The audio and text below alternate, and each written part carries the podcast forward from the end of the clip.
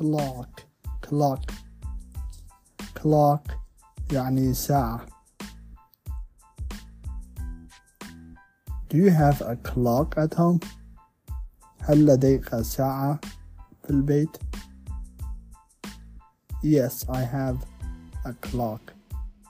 نعم لدي ساعة cloak cloak cloak يعني عباءة For example مثلا The cloak of Imam is black. The cloak of Imam is black. يعني عباء ال الإمام سوداء. Cloak